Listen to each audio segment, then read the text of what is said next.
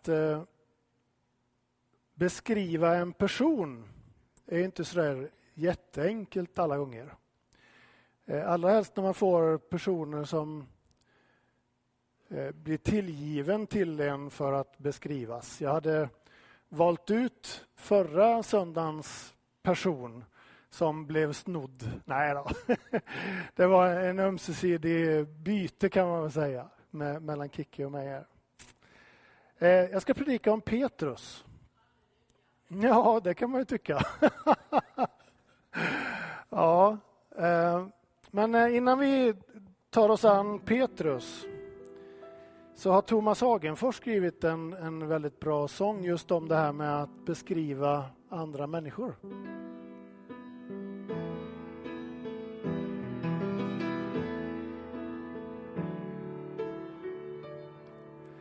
Om jag ska beskriva en person En människa som jag gillar väldigt mycket Göra en identifikation av någon som är fantastisk i mitt tycke. Inte blir det mest hur hon ser ut. Ålder eller kön, det kan väl kvitta. Det som får betydelse till slut är vad som i det inre finns att hitta. Den som bara dömer efter yttre ting går nog säkert miste om någonting. Den som tar sig tid att till det inre se, han ser nog mer vad den människan har att ge. Något som rätt ofta sitter kvar och som kan vara svårt att omvärdera är hurdant mitt första intryck var det är så lätt att generalisera. Någon som jag tyckte var rätt dryg. Som verkade så svår att lära känna. Visade sig bara vara blyg. När hon fick chans att helt ge sig till känna. Den som bara dömer efter yttre ting går nog säkert miste om någonting. Men den som tar sig tid att till det inre se, han ser nog mer vad den människan har att ge. Skönhet lär ju komma inifrån och trollas knappast fram av goda feer. Därför bör man vara mera mån om att vårda sina inre kvaliteter. Kärleken är kanske inte blind men blir ej av skönhetsfel fixerad. Bättre än en smekning på min kind är känslan av att helt vara accepterad. Den som bara dömer efter yttre ting går nog säkert miste om någonting. Men den som tar sig tid att till det inre se, han ser nog mer vad den människan har att ge.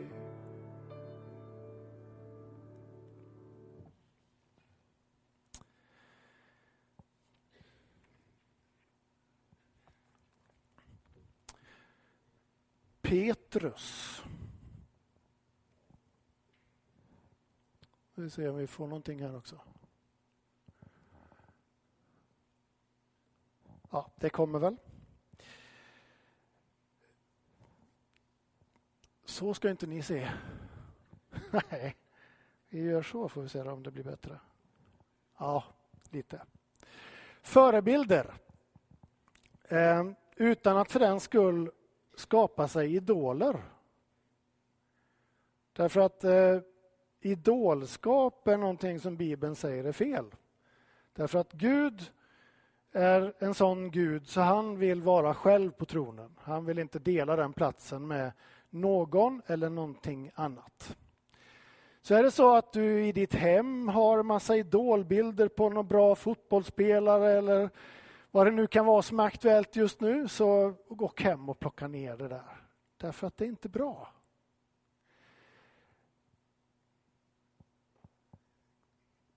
Men ändå så, så säger Bibeln att vi ska tänka på våra lärare exempelvis. Och vi, vi ska se upp till de äldre och vi ska vårda, vörd, ha vördnad om dem och så vidare. Så det, är inte, det är inte fel att ha förebilder, bara det inte går så långt som, som en del då som tycker att Petrus, som vi ska tala om idag, han var en sån fantastisk människa så att till och med idag, än, så eh, betyder Petrus oerhört mycket för exempelvis katolska kyrkan.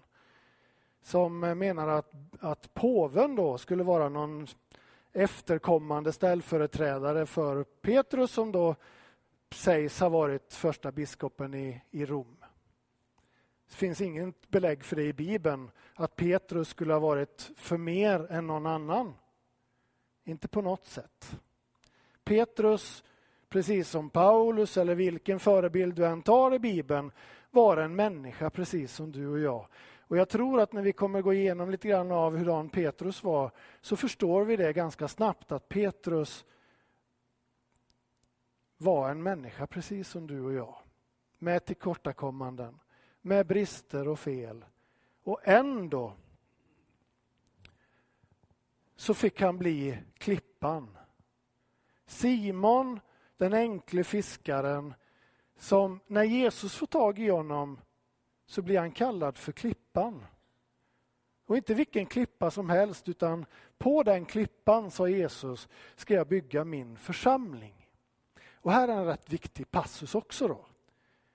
Det står att Jesus bygger församlingen. Jesus bygger ingen kyrka. Han bygger församling. Och det är en väldig skillnad. Vi kommer till kyrkan för att umgås, men den här byggnaden i sig, hur fantastisk den är, Per Lindborg, så är det ju ändå så att det här är bara en byggnad, som vilken byggnad som helst. Sen har vi helgat den här byggnaden för att ha gudstjänster här. Men det är inte i byggnaden som, som Gud kommer på något speciellt sätt på det sättet. Utan det Gud är intresserad av, det är att i Enköping bygga sin församling. Och där får du och jag vara med. Och jag säger dig, du är Petrus och på denna klippa ska jag bygga min församling. Och helvetets portar ska inte få makt över den, över församlingen. Det är fantastiskt. Petrus var klippan, men eh, Jesus bygger församlingen. Jesus är hörnstenen och Jesus är också slutstenen. Det här är begrepp som vi kanske inte använder så mycket av idag. Hörnsten det var en sten man började när man skulle bygga ett hus. Då satte man en hörnsten i ett hörn och utgick ifrån den för att huset skulle bli rakt åt alla håll och kanter. Idag har man andra system. Det där kan inte jag, det finns andra som kan det där bättre. Men, men det finns mätinstrument och grejer och så får man till det där ändå utan att använda den där hörnstenen. En slutsten det var när man använde, byggde en en port eller en, en dörr av något slag. Så byggde man den med stenar och den sista stenen man satte in den var oerhört viktig. Och det, det märkliga var att den stenen den, den hade sin form redan från början. Och den slöt till själva portalen och, och gjorde att det var stadga i, i hela den här portalen. Jesus han är Hörnstenen, han är också slutstenen, den slutliga eh, som, som behövs för att bygget ska hållas samman. Så han är både grunden och han är det som håller ihop byggnaden. En liten bakgrund då till, till Petrus. Jonas son, i något evangelium så står det Johannes son. Eh, en omskrivning för samma namn. Så hade han levt idag då hade han kanske hetat Petrus Jonasson, vad vet jag. Eller Johansson möjligtvis. Han hade en bror som hette Andreas. Han var fiskare. En eh, olärd man står det om dem att de var. Var man fiskare på den tiden så hade man tydligen inte så hög utbildning. Jag vet inte om fiskare har så höga utbildningar idag heller egentligen. Men eh, de tillhörde det enkla folket. Han var en av Jesu lärjungar, han var en av de första lärjungarna som blev kallad. Och han tillhörde den inre kretsen som bestod av honom och så var det två andra bröder, Jakob och Johannes. De var fiskarkompisar för övrigt, de här. Andreas, Petrus, Jakob och Johannes. Hade varsin båt men, men höll ihop ändå. Alltså Andreas och, och Petrus hade en båt och Jakob och Johannes hade en båt. Förstår man i evangelierna. Petrus han var impulsiv. Det var, det var han som förde talan, det var, det var ofta han som höll sig framme liksom när någonting hände. Ta bara det här tillfället när Jesus går på vattnet.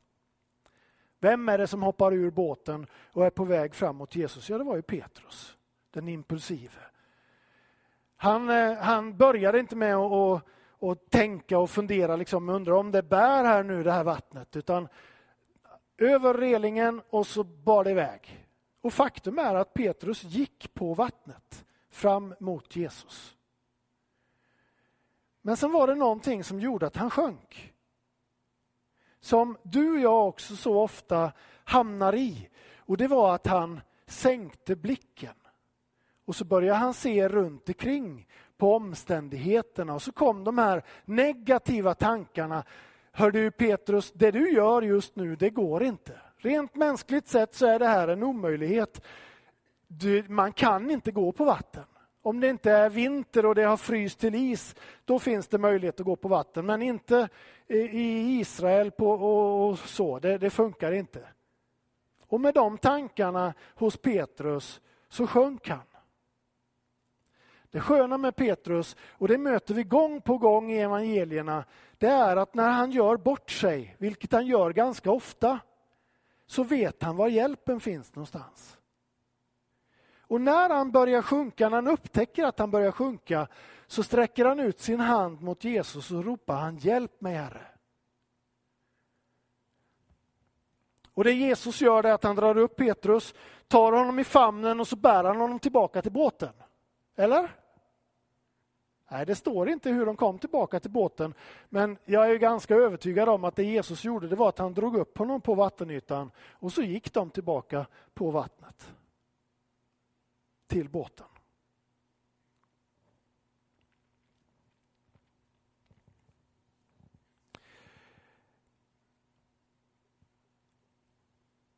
Petrus blev kallad om man tittar i, i de olika evangelierna så är berättelsen om hur Petrus blev kallad lite olikt beskriven. Och Det är väl ungefär som om du och jag skulle ställa oss här ute i gatkorset och så skulle vi stå på lite olika håll i gatkorset där och se en trafikolycka. Och sen ska vi beskriva den trafikolyckan, hur den gick till. Så är ganska övertygad om att vi skulle få lite olika beskrivningar om samma olycka. Andreas var troligtvis lärjunge till Johannes döparen. Eh, och vid något tillfälle så, så, möter Andreas Jesus. Kommer hem till Petrus och berättar för honom, jag har mött Messias. Kom och möt honom du också. Och så tar han Petrus med sig och går till Jesus. Innan det här sker så har Jesus gått nere vid stranden av Genesarets sjö och mött Petrus och Andreas Jakob och Johannes. De har varit ute och fiskat hela natten. De har inte fått en enda liten firre. Det var helt tomt i näten. Och de håller på att göra i ordning sina nät. Så kommer Jesus gående där, det är massor med folk som följer honom. Så han hoppar i Petrus båt och så ber han Petrus att ta ut båten en bit ifrån land. Och från båten så håller han en förkunnelse, talar till folket. När det var slut så ber han Petrus att ro ut på djupt vatten och lägga ut näten. Och då säger Petrus, Herre, vi har varit ute hela natten, vi har inte fått någonting. Men på ditt ord så ska vi lägga ut näten. Och när de gör det och ska försöka dra upp de här näten så är de så fulla i fisk att han får ropa till Jakob och Johannes så de kommer med sin båt och så fyller de båda båtarna med fisk. Så mycket så att båtarna håller på att sjunka och tar sig knappt in till land igen. Det var första gången som Jesus mötte Petrus. Den andra gången som han möttes, då var det när han fick kallelsen. Andreas, Simon Petrus bror, var en av de två som hade hört vad, Jesus, vad Johannes sa och följde Jesus. Han fann först sin bror Simon och sa till honom, vi har funnit Messias, det betyder Kristus, den smorde. Och han förde honom till Jesus. Jesus såg på honom och sa, du är Simon, Johannes son, du ska heta Kefas, det betyder Petrus. Då kom Petrus fram och frågade Jesus, nej det här var lite senare. Eh, det där med kallelse, det är inte så enkelt.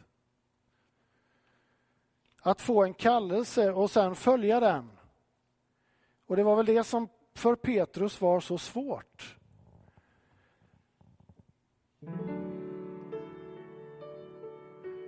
Herre, vad tänkte du på när du kallade mig? Menade du att mitt liv skulle vittna om dig? Nog kan du väl se att människorna le åt en sådan lärjunge som jag. Menade du att mitt liv skulle vittna om dig? Genom min själ som ett svärd går ett flammande ord. Skapad av Gud till att vara hans avbild på jord. Du måste förstå det kan inte gå för en sådan lärjunge som jag. Skapad av Gud till att vara hans avbild på jord. Hur ska jag svage bestå för Guds heliga krav? Mästare, giv mig din kraft, du som kallelsen gav. Fast människorna le, låt undret dock ske med en sådan lärjunge som jag. Mästare, giv kraft, du som kallelsen gav.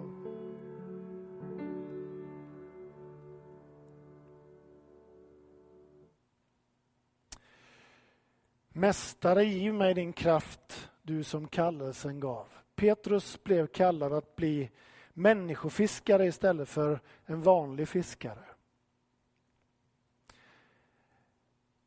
Eh, Petrus han levde tillsammans med Jesus i dryga tre års tid. Han såg massor av under ske. Han var med om det ena miraklet efter det andra och, och stod på första parkett. Han fick vara med om, om helkonstiga grejer uppe på ett berg där det kom ner personer ifrån Gamla testamentets tid. Och han föreslog att man skulle bygga hyddor och man skulle vara kvar där för all tid. Det kändes så skönt att vara där. Det vi kallar för förklaringsberget.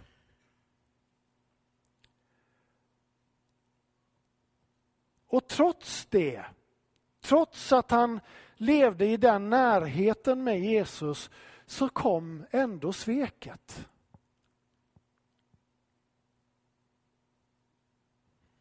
Hur, hur gick det till? Petrus han frågar vid ett tillfälle angående det här med, med att bli sviken. Hur många gånger ska jag förlåta min bror som har syndat mot mig? Räcker sju gånger? Och då tyckte Petrus att han tog till. Därför att sju i, i den judiska läran och judiska tron, det är Guds tal. Det är ett gudomligt tal. Förlåter man någon sju gånger, då har man, då har man uppfyllt Guds lag på något sätt. Nej, säger Jesus, det räcker inte. Utan 70 gånger sju. Och det talet, det är oändlighetens tal. 70 gånger sju. Det finns alltså ingen gräns för hur många gånger du och jag ska förlåta varandra. Hur många gånger du än blir sviken av kanske till och med samma person så finns det ingen gräns för hur ofta du och jag ska förlåta. Och det är ju så svårt. Och Det som är skönt att veta, även om inte du och jag alltid klarar upp att leva upp till att förlåta gång på gång fast vi blir sviken den ena gången efter den andra, så ska vi komma ihåg att Gud är den som alltid förlåter. Gud är den som alltid vill upprättelse. Så var det också för Petrus. Så kommer då det där tillfället när Petrus inte klarar att bestå provet. Då sa Jesus till dem, i natt kommer ni alla att överge mig. Det står skrivet. Jag ska slå herden och fåren i jorden ska skingras. Men när jag har uppstått ska jag gå före er till Galileen. Petrus svarade honom, även om alla andra överger dig så ska jag aldrig överge dig. Jesus sa till honom, jag säger dig sanningen. I natt, innan tuppen gal, kommer du att ha förnekat mig tre gånger. Petrus svarade honom, även om jag måste dö med dig ska jag aldrig förneka dig. Samma sak sa alla de andra lärjungarna. Mig kan du lita på. Det spelar ingen roll vad som händer så kommer jag stå här. Stadigt rotad. Eh, jag är ju ändå Petrus klippan. Det är klart att du ska lita på mig. Även om de andra sviker och jag kommer att vara där själv, ensam, så kan du lita på mig. Men Petrus var inte den enda som eh, svek. Det gjorde alla lärjungarna. Det första steget i det här sveket kan man väl säga började här. Sedan gick Jesus med dem till en plats som kallades Getsemane och han sa till lärjungarna, sätt er här medan jag går dit bort och ber. Han tog med sig Petrus och Sebedaios båda söner och han greps av sorg och ångest och sa till dem, min själ är djupt bedrövad ända till döds. Stanna här och vaka med mig. Så gick Jesus en bit längre bort och bad. Och när han kommer tillbaka så har alla lärjungarna, till och med de här tre, somnat. Jesus väcker dem och så säger han till dem att kunde ni inte vaka ens en timme med mig? Kom igen nu. Det är kamp, det är allvar, det är, det är verklighet det här. Jag går en bit bort igen och, var vakna nu. Var med mig i min kamp. Andra gången kommer han tillbaka och de sover ju. Och tredje gången kommer han tillbaka och finner att lärjungarna sover. Petrus somnade, men hallå, får man inte sova nu som kristen då? Jo då. Men allt har sin tid.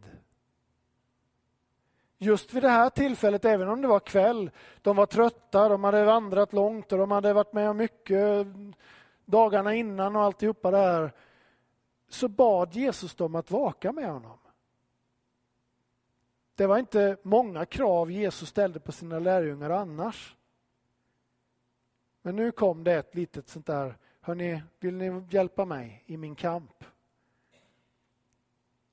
Och Petrus hade ju sagt det, jo men mig kan du lita på. Han kunde inte ens hålla sig vaken.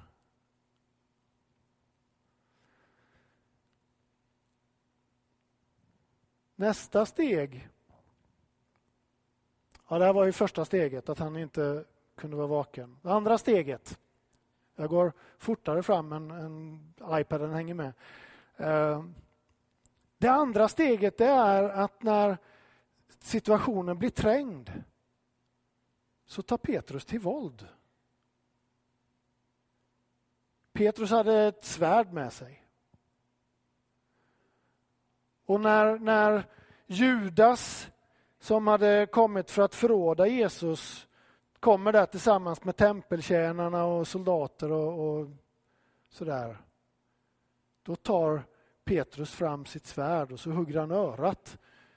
Alltså han missar ju så fruktansvärt. Han, det var ju naturligtvis inte tänkt att han skulle kapa ett öra bara.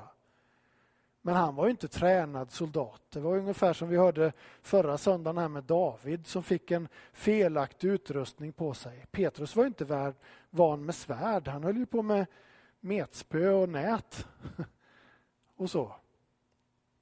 Men han högg ett öra av en tempeltjänare. Och till och med i den situationen så tar Jesus och helar den här mannen.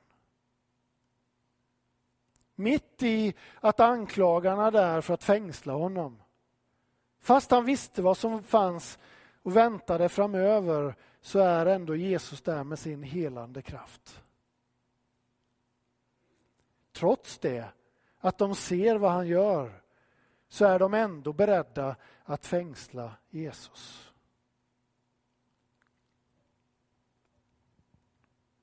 Petrus tar till våld. Och så kommer då tredje steget och som också blir då själva sveket. Jesus blir bortförd, han blir förhörd och rättegång är väl nästan synd att kalla det för, men det var väl något form av rättegång. Och i borggården där, medan man väntar på hur det ska gå för Jesus, så är det en lärjunge som befinner sig i närheten i alla fall. Det står att alla flydde när man fängslade Jesus, till och med Petrus. Men Petrus tar väl lite mod till sig i alla fall och så vill han ju se hur det går då och är i borggården. Och så kommer det någon fram där och frågar, men visst var väl du en av dem? Jag vet inte vad du pratar om. Och så går han undan och så möter han nästa person som känner igen honom som en av följeslagarna till Jesus. Jag känner inte den mannen, bedyrar Petrus. Och så går han iväg ytterligare en bit och så möter han ytterligare människor där som också konfronterar honom. Men visst var väl du en av dem? Nej, känner inte den mannen. Vet inte vad ni pratar om.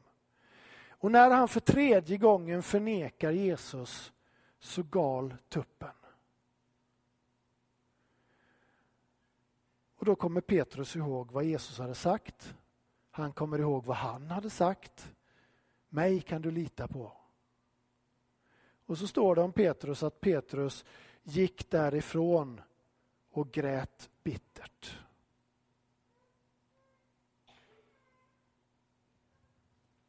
Sveket är ett faktum. Sen möter vi inte Petrus förrän ett tag efteråt sen. Jesus har blivit korsfäst, lagd i en grav. Hoppet är borta.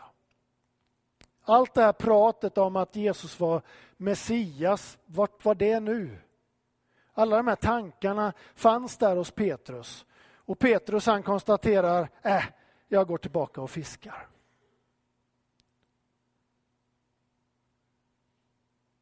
Och där är han då när Jesus kommer igen på strandkanten gåendes. Som förra gången Petrus mötte Jesus så hade han dålig tur med fiskeriet. Och Jesus ber dem att lägga ut på högra sidan om båten. Som om det skulle ha någon betydelse. Men det hade det tydligen. Om det var för att det var på högra sidan eller om det var för att Jesus sa att de skulle göra så.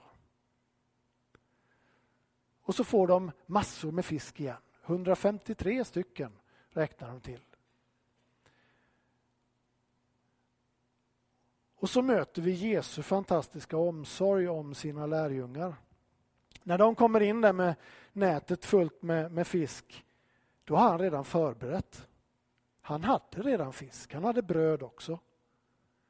Och ger till lärjungarna så de får äta.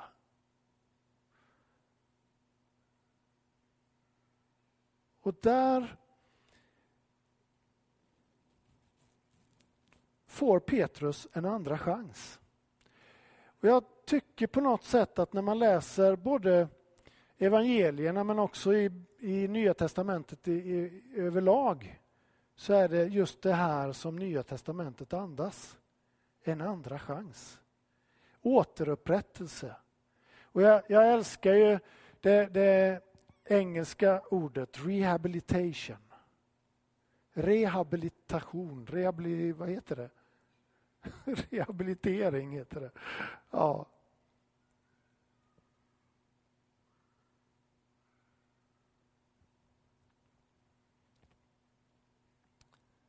Jesus han eh, frågar Petrus, han tar honom åt sidan och så sitter de och pratar där. Så säger Jesus, Petrus, älskar du mig? Ja, Herre, du vet allt, du vet att jag har dig kär. Och en andra gång så frågar Jesus Petrus, Petrus älskar du mig? Ja, du vet att jag har dig kär. Petrus, älskar du mig? Ja, du vet allt.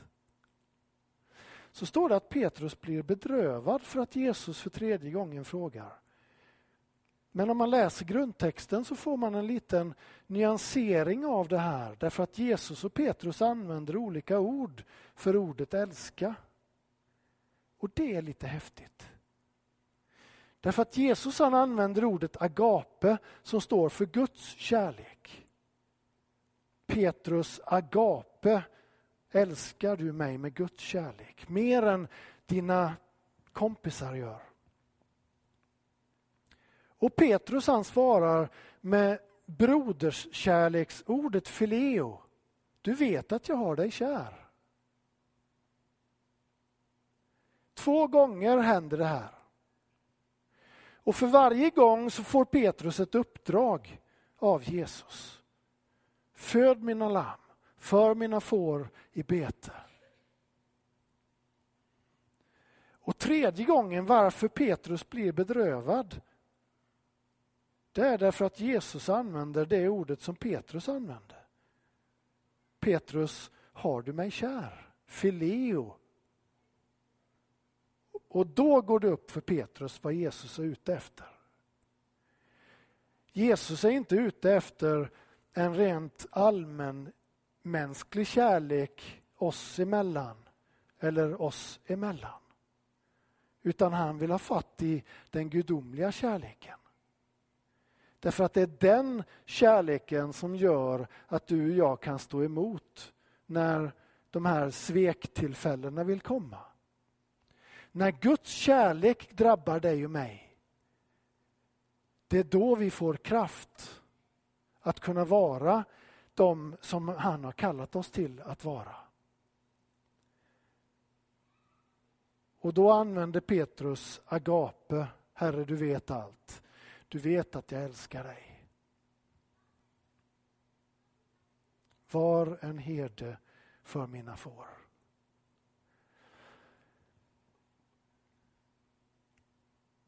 Det spelar ingen roll hur många gånger vi gör fel. Så finns alltid Gud där med sin utsträckta hand för att möta med oss, var och en.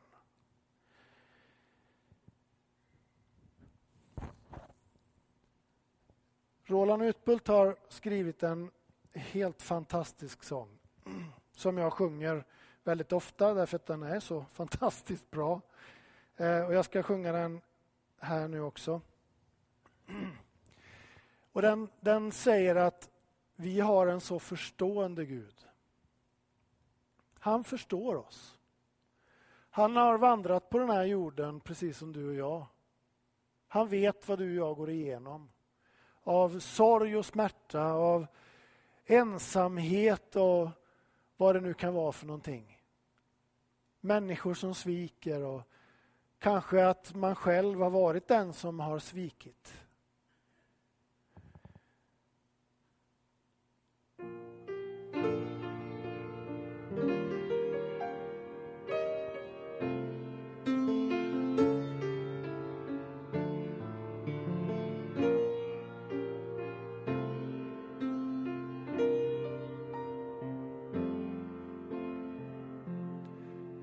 När du far över stormiga hav och din tro känns oerhört svag.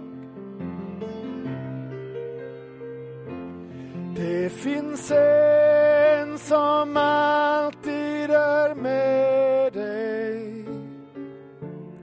Han vill föra dig till en trygg och säker hamn. Och han är din far. Han är en så förstående Gud.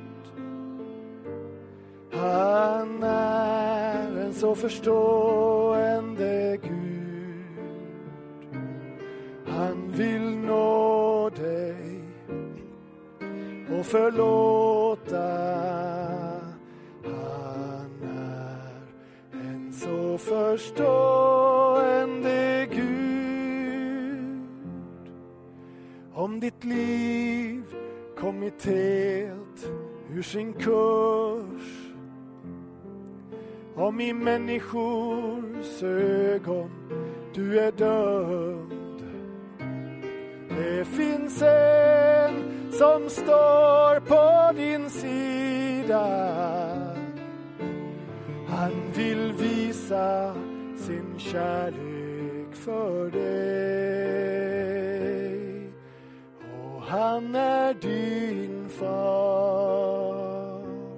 Han är en så förstående Gud. Han är en så förstående